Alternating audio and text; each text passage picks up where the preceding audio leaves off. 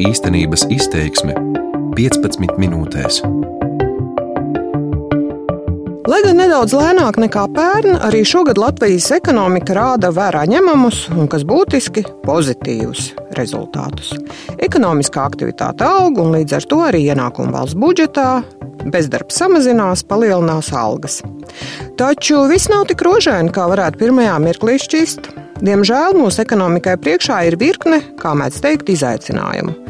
Citiem vārdiem sakot, ir problēmas, kuras rodas neatkarīgi no mūsu gribas, un ir vēl citas, kas lēnām krājas un kuru risināšana visu laiku tiek atlikta.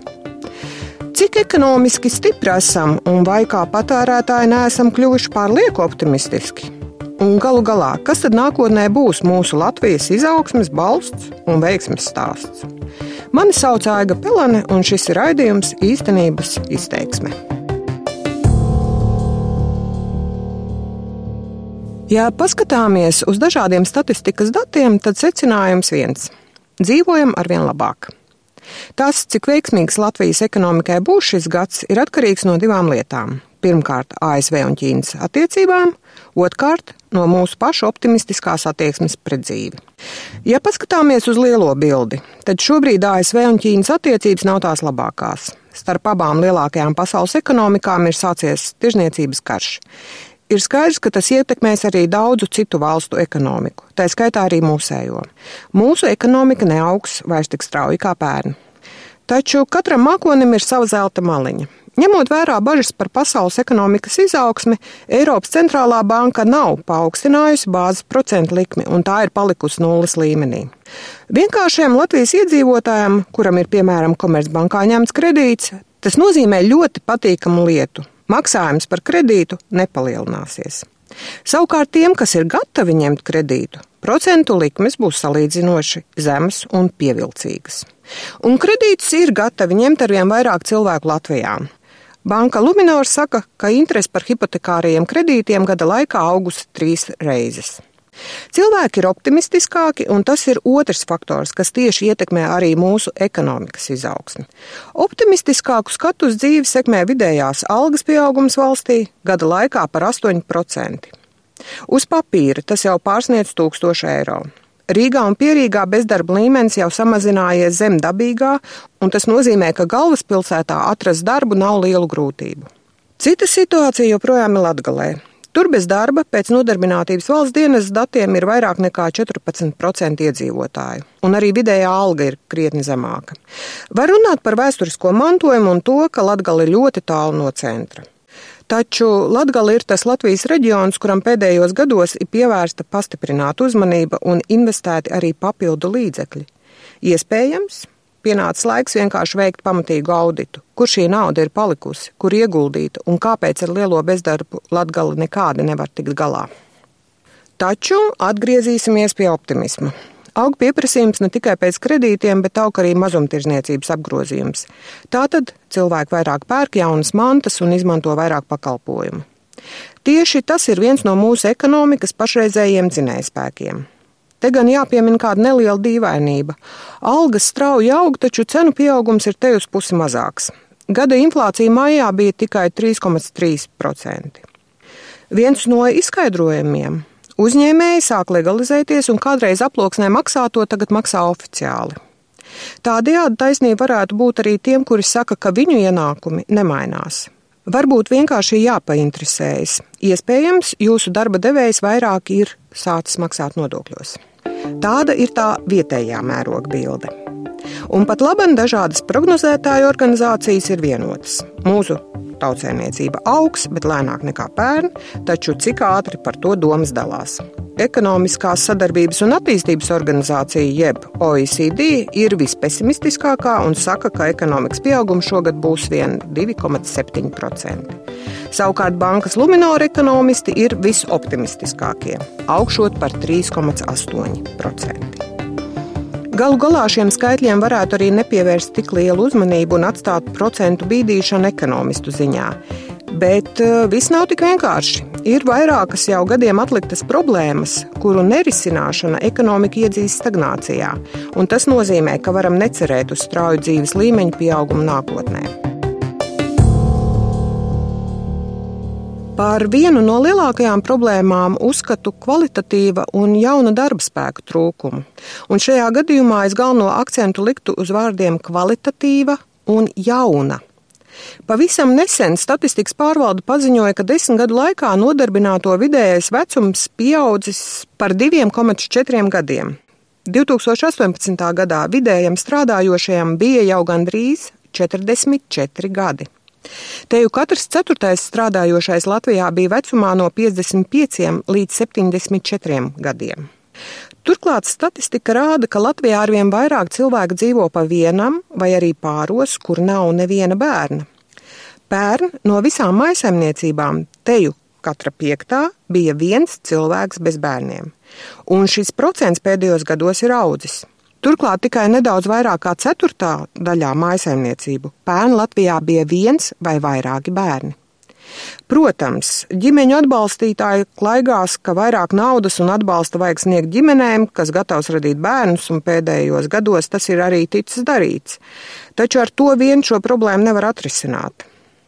Ir jāņem vērā, ka mainās sabiedrības attieksme pret bērniem un to nepieciešamību individa dzīvēm. Drīzāk šis varētu būt nevis ekonomikas un naudas, bet vērtību jautājums.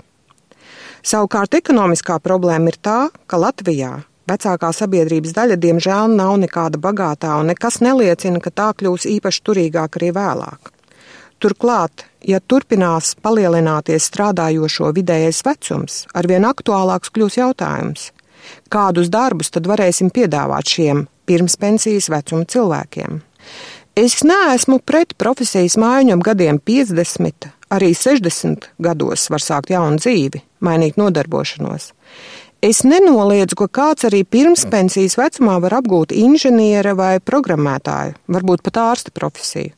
Taču šādi cilvēki drīzāk ir un būs izņēmums, nevis ikdiena.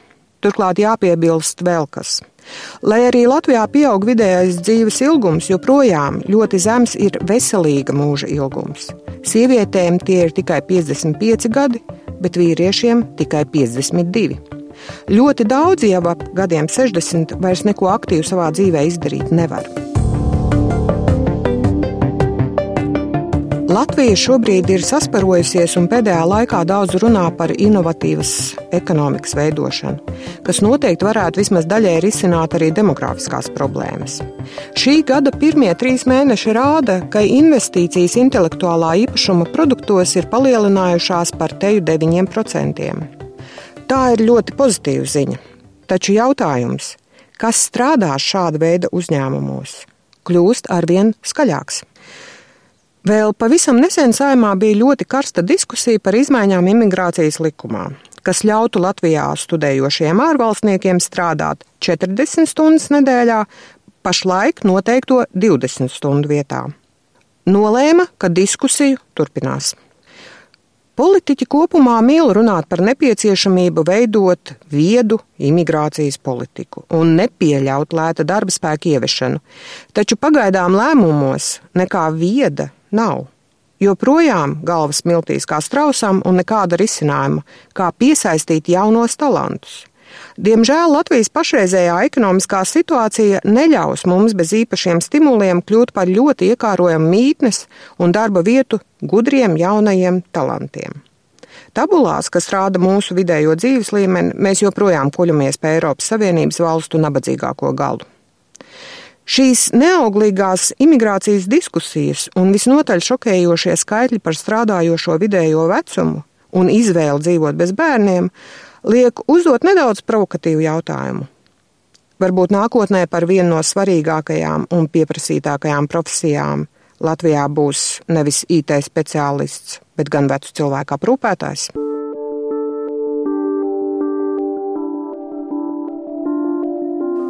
Negribu gan visus tagad sabaidīt. Kādu laiku vēl jau augsim. Turklāt nenoliedzami mūsu iekšzemes koproduktam palielināties palīdzēs arī gadsimta būve - dzelzceļa projekts Rail Baltica. Tad, kad sāksies būvniecība, mainīsies ne tikai Rīgas un Latvijas ciemu seja, kuriem cauri ies ātrgaitas dzelzceļš. Celtniecība noteikti palielinās arī Latvijas ekonomikas izaugsmi. Taču Vai mēs kļūsim arvien inovatīvāki, un vai augs mūsu ekonomikas produktivitāte, vai sāksim ražot jaunus, gudrus produktus? Nezinu. Jo, lai tas notiktu, vajag reformas ne tikai izglītībā, medicīnā un pašvaldībās. Tās vajag arī mūsu pašu politikas veidotāju galvās. Taču tagad tā vietā, lai domātu, kā pēc būtības, piemēram, risināt migrācijas jautājumus, kā piesaistīt gudras jaunas galvas, lai Latvijā radītu inovatīvus produktus, valdības prātus nodarbina pavisam citas domas. Piemēram, alkoholisko dzērienu tirzniecība Igaunijas pierobežā īsumā. Tur sacelts daudz alkoholisko dzērienu lielveikalu, jo Latvijā līdz šim bija zemāks akcijas nodoklis nekā kaimiņu valstī. Tāpēc Igauni un Somi brauca uz Latvijas pierobežu un pirka alkoholu. Jā, labums ir ne tikai šiem tirgotājiem, arī ēdinātājiem, un kāds jau arī kādu turisma objektu pie reizes apskata. Galu galā arī valsts budžetā no akcijas nodokļa ieripo vairāki desmit miljonu eiro. Un viss būtu tā turpinājies vēl kādu laiku, ja vien Igaunijā nebūtu mainījusies valdība un pie varas nebūtu nonākusi populistu partija Ekre un nesāktu realizēt to, ko solīja saviem vēlētājiem - šnabi Igaunijā padarīt lētāku. Kaimiņos tagad akcijas nodoklis samazinās, un mūsu finanšu ministrs Jānis Reirs ir paziņojis. Latvija arī vērtēs iespējas darīt to pašu. Viņš saka, ka reģionu līmenī ir svarīgi saglabāt konkurētspēju. Tāpat tiek pieļauts, ka Latvijas zaudējums budžetā varētu būt ap 100 miljoniem eiro. Tāpēc jādara viss, lai glābtu šo rūpalu. Bet, ziniet, 100 miljonu eiro veido nepilnu 1% no Latvijas šī gada budžeta. Līdz ar to plēst matus ir ļoti pāragri. Otrakārt, šī situācija bija prognozējama. Latvija pat gatavojās celt akcijas nodokli. Ja kāds no uzņēmējiem gulda savus līdzekļus ļoti ļodzīgā pasākumā, tas ir viņa risks, ne valsts atbildība. Treškārt, vai tiešām Latvijas un šī reģiona konkurētspēja ir saistīta tikai ar šāda veida biznesu? Šis pretnostatījums ļoti labi parāda, kāda galu galā ir Latvijas ekonomikas potenciālā veiksmes stāsta patiesā seja. Diemžēl pagaidām vēl nekas neliecina, ka drīz te varētu būt moderna un inovatīva ekonomika, kas palielinās mūsu visu labklājību.